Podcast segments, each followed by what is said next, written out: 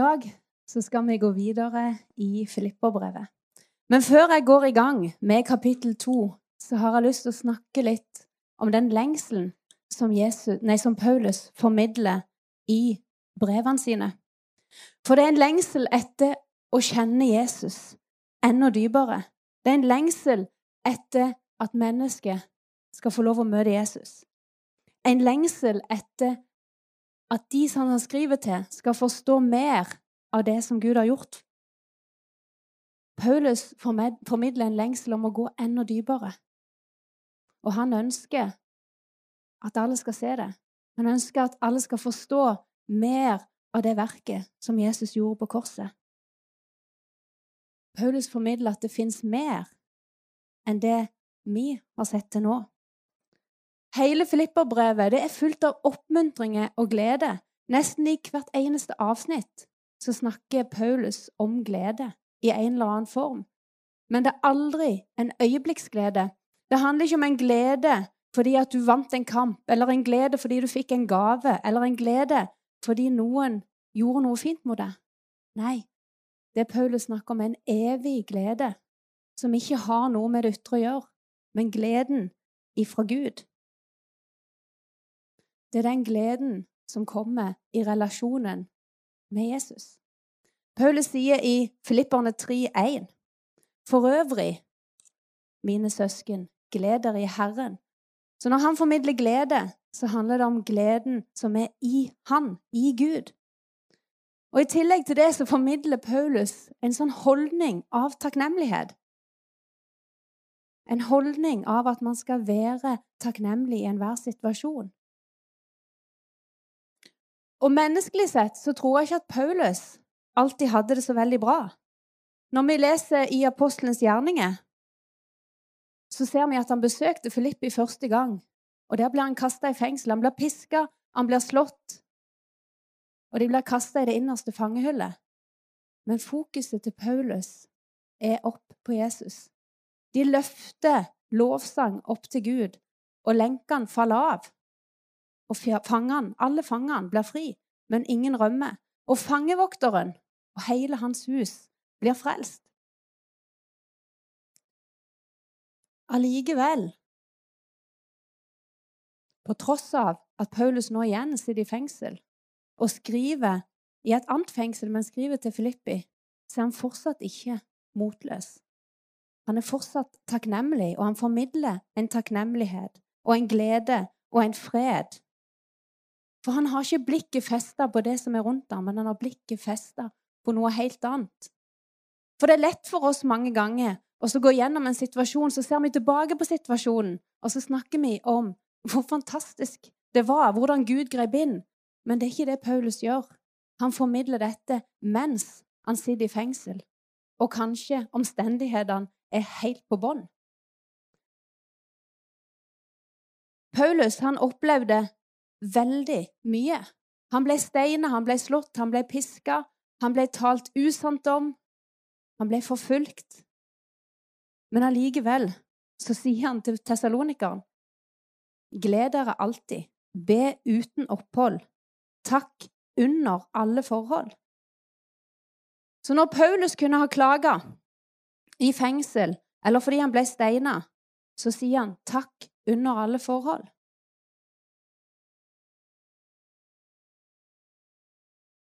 Men midt i den urettferdigheten han står i, så løfter han blikket på Jesus.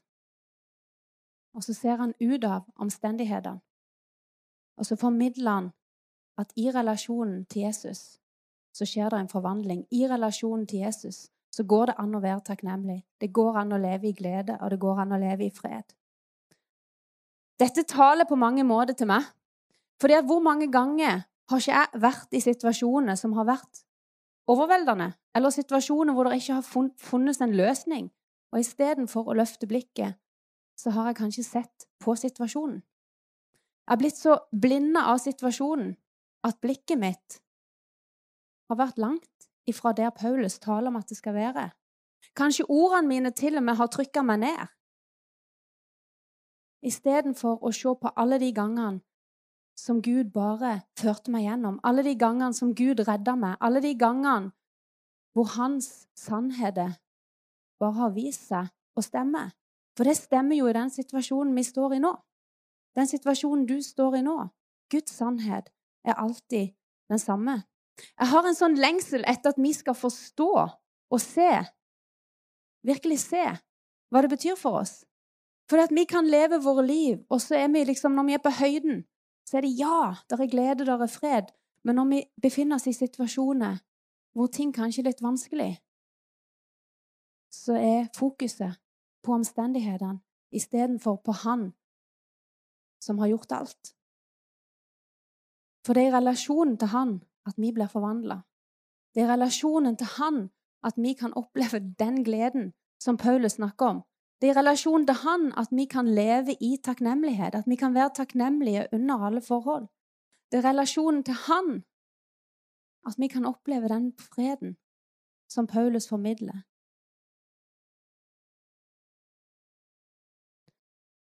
Vi skal i gang med kapittel to i Filipperbrevet. Jeg har delt det inn i tre punkter, og det første punktet har jeg kalt fellesskap, kjærlighet og enhet. Vi skal lese først fra Filipperne 2, 1-4. Derfor, om det er noen trøst i Kristus, om det er noen oppmuntring i kjærlighet, om det er noen samfunn i ånden, om det er noe hjertelag og barmhjertighet, så gjør da min glede fullstendig ved å ha det samme sinnelag og den samme kjærlighet. Og vær ett i sjel, ha det samme sinn. Gjør ikke noe ut fra selviske ambisjoner eller lyst til tom ære, men enhver skal med ydmykt sinn akte den andre høyere enn seg selv. Ingen av dere må bare trakte etter det som er best for dere selv, men også etter det som gagner andre. På en måte kan det nesten virke som om Paulus her stiller et spørsmål. Men hvis vi leser på grunnteksten, så er det en sånn statement. For Paulus, det er ingen tvil hos Paulus, for det er trøst i Kristus. Andre oversettelser bruker faktisk 'når det da er trøst'. Så Paulus er overbevist om at det fins trøst i Kristus. Det er oppmuntring i kjærligheten, det er fellesskap i ånden, og det er hjertelag og barmhjertighet.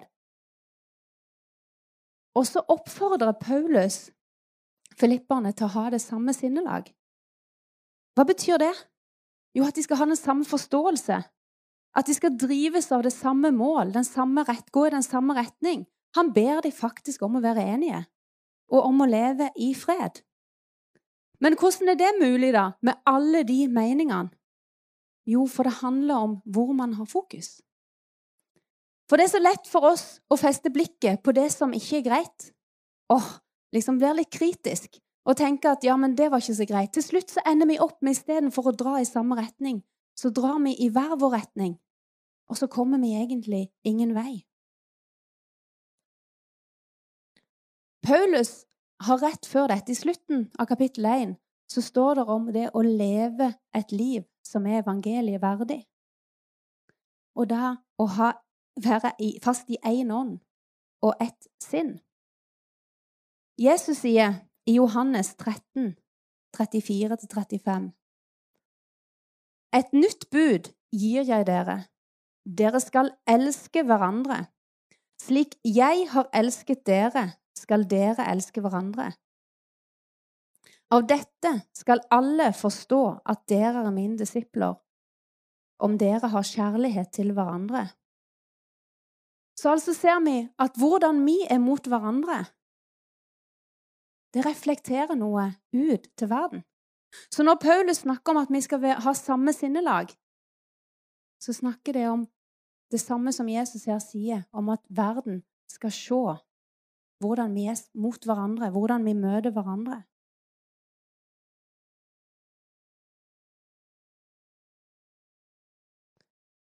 Men hvordan skal vi da klare det? Jo, fordi vi har fått Jesu kjærlighet på innsida.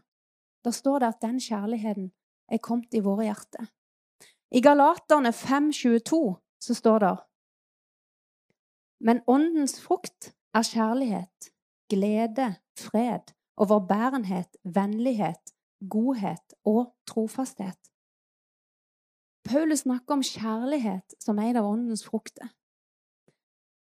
Og frukt, det vokser jo på trær. Og det er ikke sånn at hvis du får et bitte lite tre, så vips, der var det frukt i det du planta det i jorda.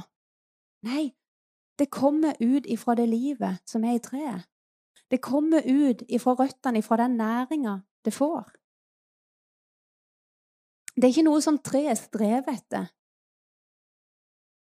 Men frukta vokser ut av treet fordi det er naturlig at det vokser frukt på det treet. Og sånn er det òg med oss. Åndens frukt kommer i relasjonen med Jesus, i livet med Han. Og det er naturlig at åndens frukt skal vokse ut fordi vi lever med Han. Det er et naturlig resultat.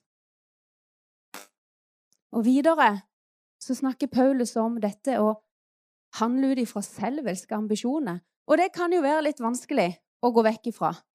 For det, det er så lett å sette seg sjøl først. Og sånn som samfunnet er i dag, så snakker det veldig mye om hva du vil, hva du ønsker. At du skal bli, komme langt, at du skal gjøre det. Men det Paulus sier her, det er at du skal akte andre høyere enn deg sjøl. Og hvordan det? Jo, på akkurat samme måte. Fordi Jesu kjærlighet bor i oss. Det er det som er grunnlaget.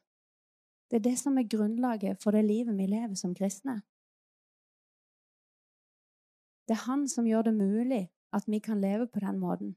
Det er han som gjør det mulig at selv når ting er vanskelig, selv når det ser ut, selv om du blir urettferdig behandla, selv når ting ikke går den vei, så kan du rette fokuset på han. Og så kan du allikevel sette andre høyere enn deg sjøl. Paulus er kanskje mer enn noen andre klar over at dette handler om Guds nåde, Guds kraft og hans kjærlighet. At ikke det er mulig uten det. For Paulus møtte masse motstand. Jeg er sikker på at i det menneskelige så var det mange ganger han kanskje hadde lyst til å handle annerledes, men allikevel så tok han et valg og valgte å vise kjærlighet til de menneskene han møtte. Men så stopper ikke Paulus her. Han stopper ikke med det. Han går videre. Og da bringer det oss til neste punkt, som han har kalt 'bli forvandla'. Jesus som forbilde. For Filipperne 2,5 drar dette enda lenger. Der står det La dette sinn være i dere, som også var i Kristus Jesus. Han som da han var i Guds skikkelse, ikke holdt det for et tilranet gode å være lik Gud, men han uttømte seg selv, tok på seg en tjeners skikkelse og kom i menneskers likhet.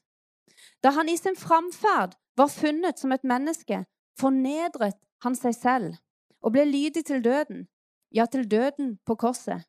Derfor har også Gud høyt opphøyet ham og gitt ham navnet som er over ethvert navn, for at i Jesu navn skal hvert kne bøye seg, dere som er i den himmelske verden, og dere som er på jorden, og dere som er under jorden, og for at hver tunge skal bekjenne at Jesus Kristus er Herre, til Gud Faders ære. La dette sinn være i dere, som også var i Kristus Jesus. Når jeg leste, jeg leste i Hverdagsbibelen, så fant jeg denne statementen på dette verset. Slik Jesus var, skal også dere være. Og Jesus er vårt største forbilde. Men Paulus sier her at vi skal ha samme sinn som han. At vi skal leve sånn som han levde. Og for meg så virker det ganske uoppnåelig, egentlig. For det at han levde jo perfekt. Hvordan skal vi klare å leve sånn som Jesus var? Men Paulus han vet at for å kunne leve et sånt liv, så er vi fullstendig avhengig av hans kraft, hans kjærlighet, hans nåde. For det er ikke vi som skal gjøre det, men det er han som lever gjennom oss. Og selvfølgelig, vi må ta noen valg, men vi går ikke alene. For det handler om han. Det handler om hva han har gjort, og hva han gjør igjennom oss. Det handler om den kjærligheten som vi har fått fra han. Det handler om å leve i relasjon til han. Så handler det om at vår sinn blir forvandla når vi lever i relasjonen til Han. For det er i møte med Jesus at vi blir forvandla. Det er ikke en prestasjon, det er ikke noe vi kan streve etter, akkurat som frukta vokser på treet fordi det er naturlig. Sånn kommer resultatene naturlig av at vi lever i relasjon til Han. Men for vi har fått Den hellige ånd på innsida. Men hvordan kan vi da ha Kristi sinn? Det handler om at det skjer en forvandling i livet med Han. Faktisk så sier Korinterbrevet 2,16 at vi har Kristi sinn. Men hva betyr det? Jo, det er jo fordi Den hellige ånd har flytta på innsida, og så kan vi få vokse i det.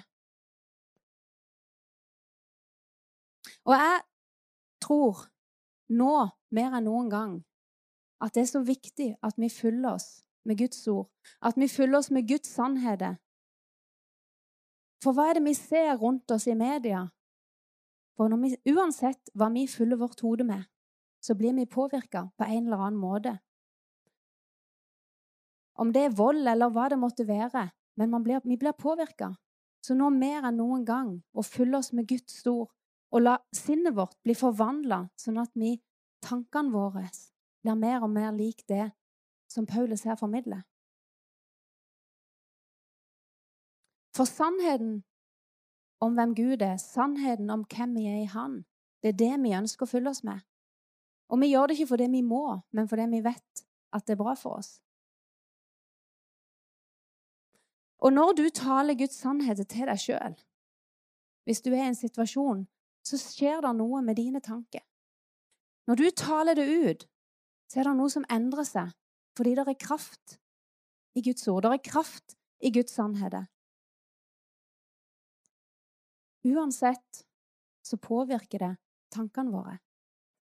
Så jeg vil oppfordre deg til å fylle det med hans sannheter om hvem du er, med hans sannheter om hvem han er.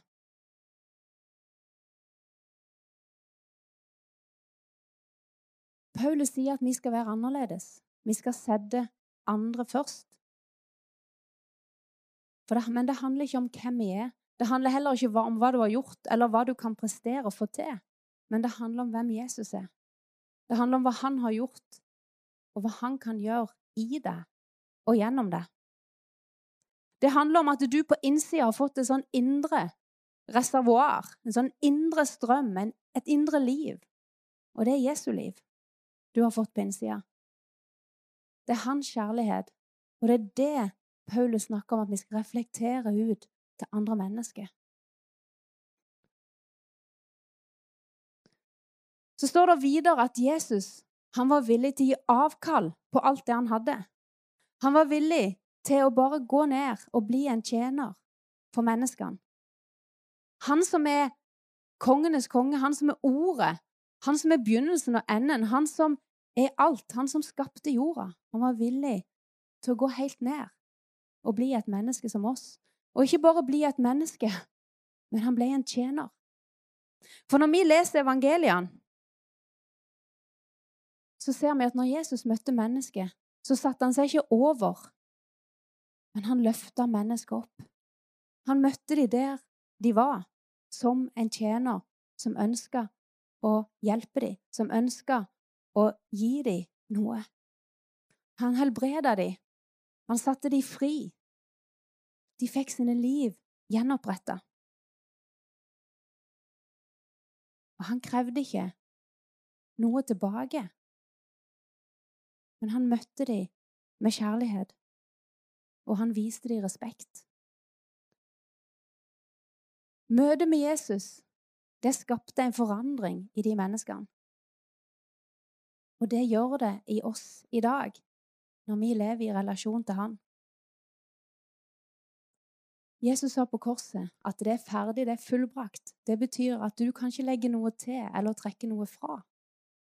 Men det er helt ferdig, og han har gitt deg det på innsida. Så kan du få lov til å leve i relasjon til han. Så la dette sinn være i dere, eller slik Jesus var, skal også dere være. Så kommer vi til siste punkt, Og det har jeg kalt for navnet Jesus over alle andre navn. For det står her at Gud har høyt opphøya han og gitt han navnet over alle andre navn. Jesu navn er satt over ethvert annet navn. Det fins ikke noe navn som kan sammenlignes med Jesu navn. Det fins ikke noe unntak. I Jesu navn så skal hvert kne bøye seg, og hver tunge skal bekjenne. Og hva betyr bekjenne? Jo, det betyr si seg enig i. Så alle må til slutt si seg enig i at Jesus er Herre. Tenk om vi kunne virkelig forstå hva dette som Jesus gjorde på korset, betydde. Hva det vil si at Jesu navn er over alle andre navn. Tenk om vi virkelig kunne forstå hva det vil si at vi er fri.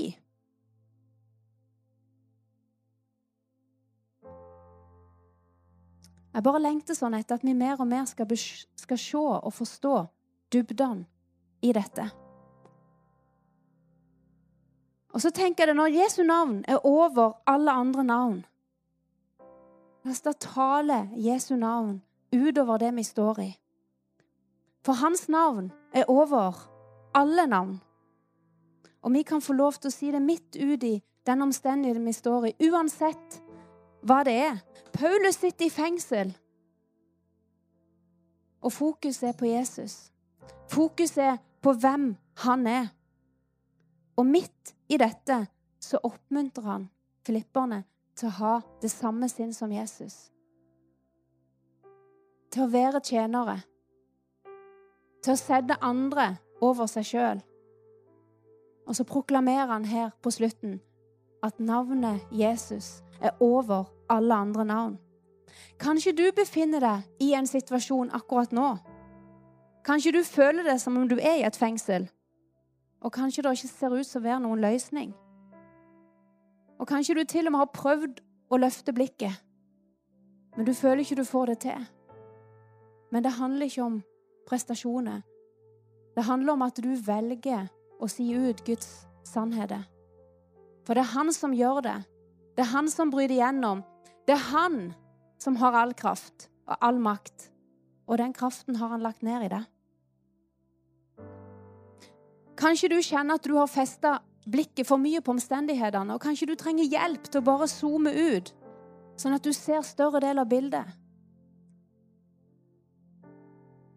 For det er han som har navn over alle navn. Det er han som gir kraft og styrke.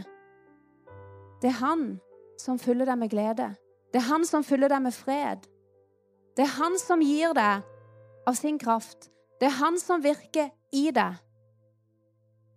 Det er han. Det er hans liv du har på innsida. Kanskje du sitter der hjemme og egentlig har gitt opp. Men Gud er der for deg, der hjemme. Han står med åpne armer. Fordi han lengter etter deg. Han har aldri gitt deg opp, og han kommer aldri til å gi deg opp. Han døde for deg, og han kaller på deg akkurat nå. Det er han som gir deg visdom. Det er han som gir deg kjærlighet. Han tok på seg all skyld, all skam, all sykdom, all smerte. Det er han som setter fri. Det fins ikke noe annet navn som kan gjøre det. Det er bare han.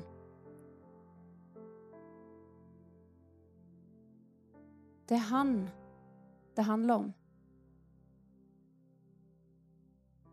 Det er han som gir livet.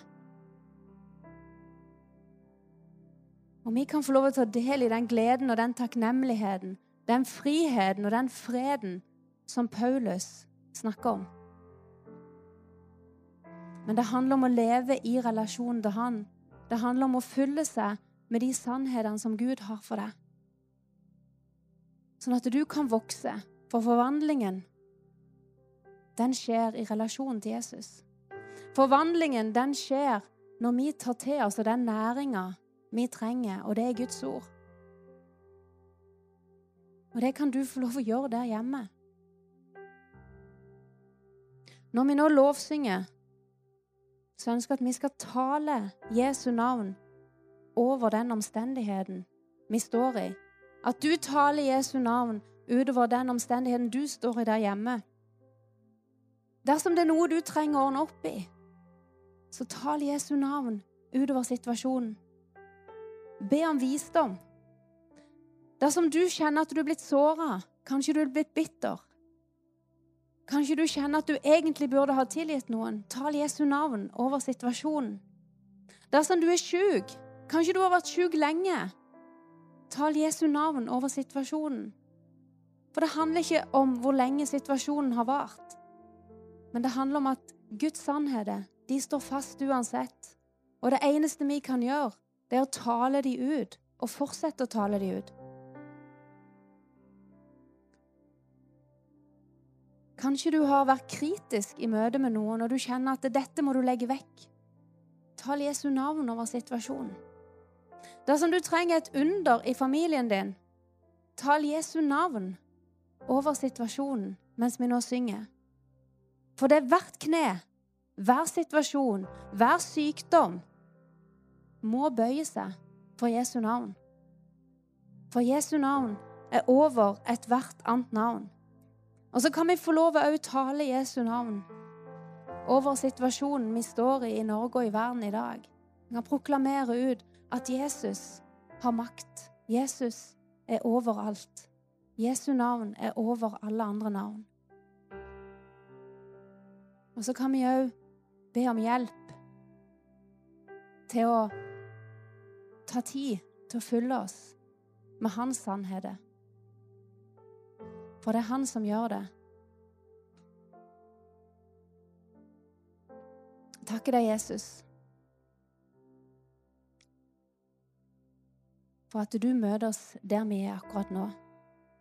Takk, Herre, for det er din kjærlighet, det er din fred, det er din godhet, det er din kraft som gjør det mulig for oss å leve på denne måten, Herre. Det er det som gjør det mulig og løfte blikket på deg. Det er det som gjør det mulig å møte mennesket med din kjærlighet. Takker deg, Jesus. I Jesu navn. Amen.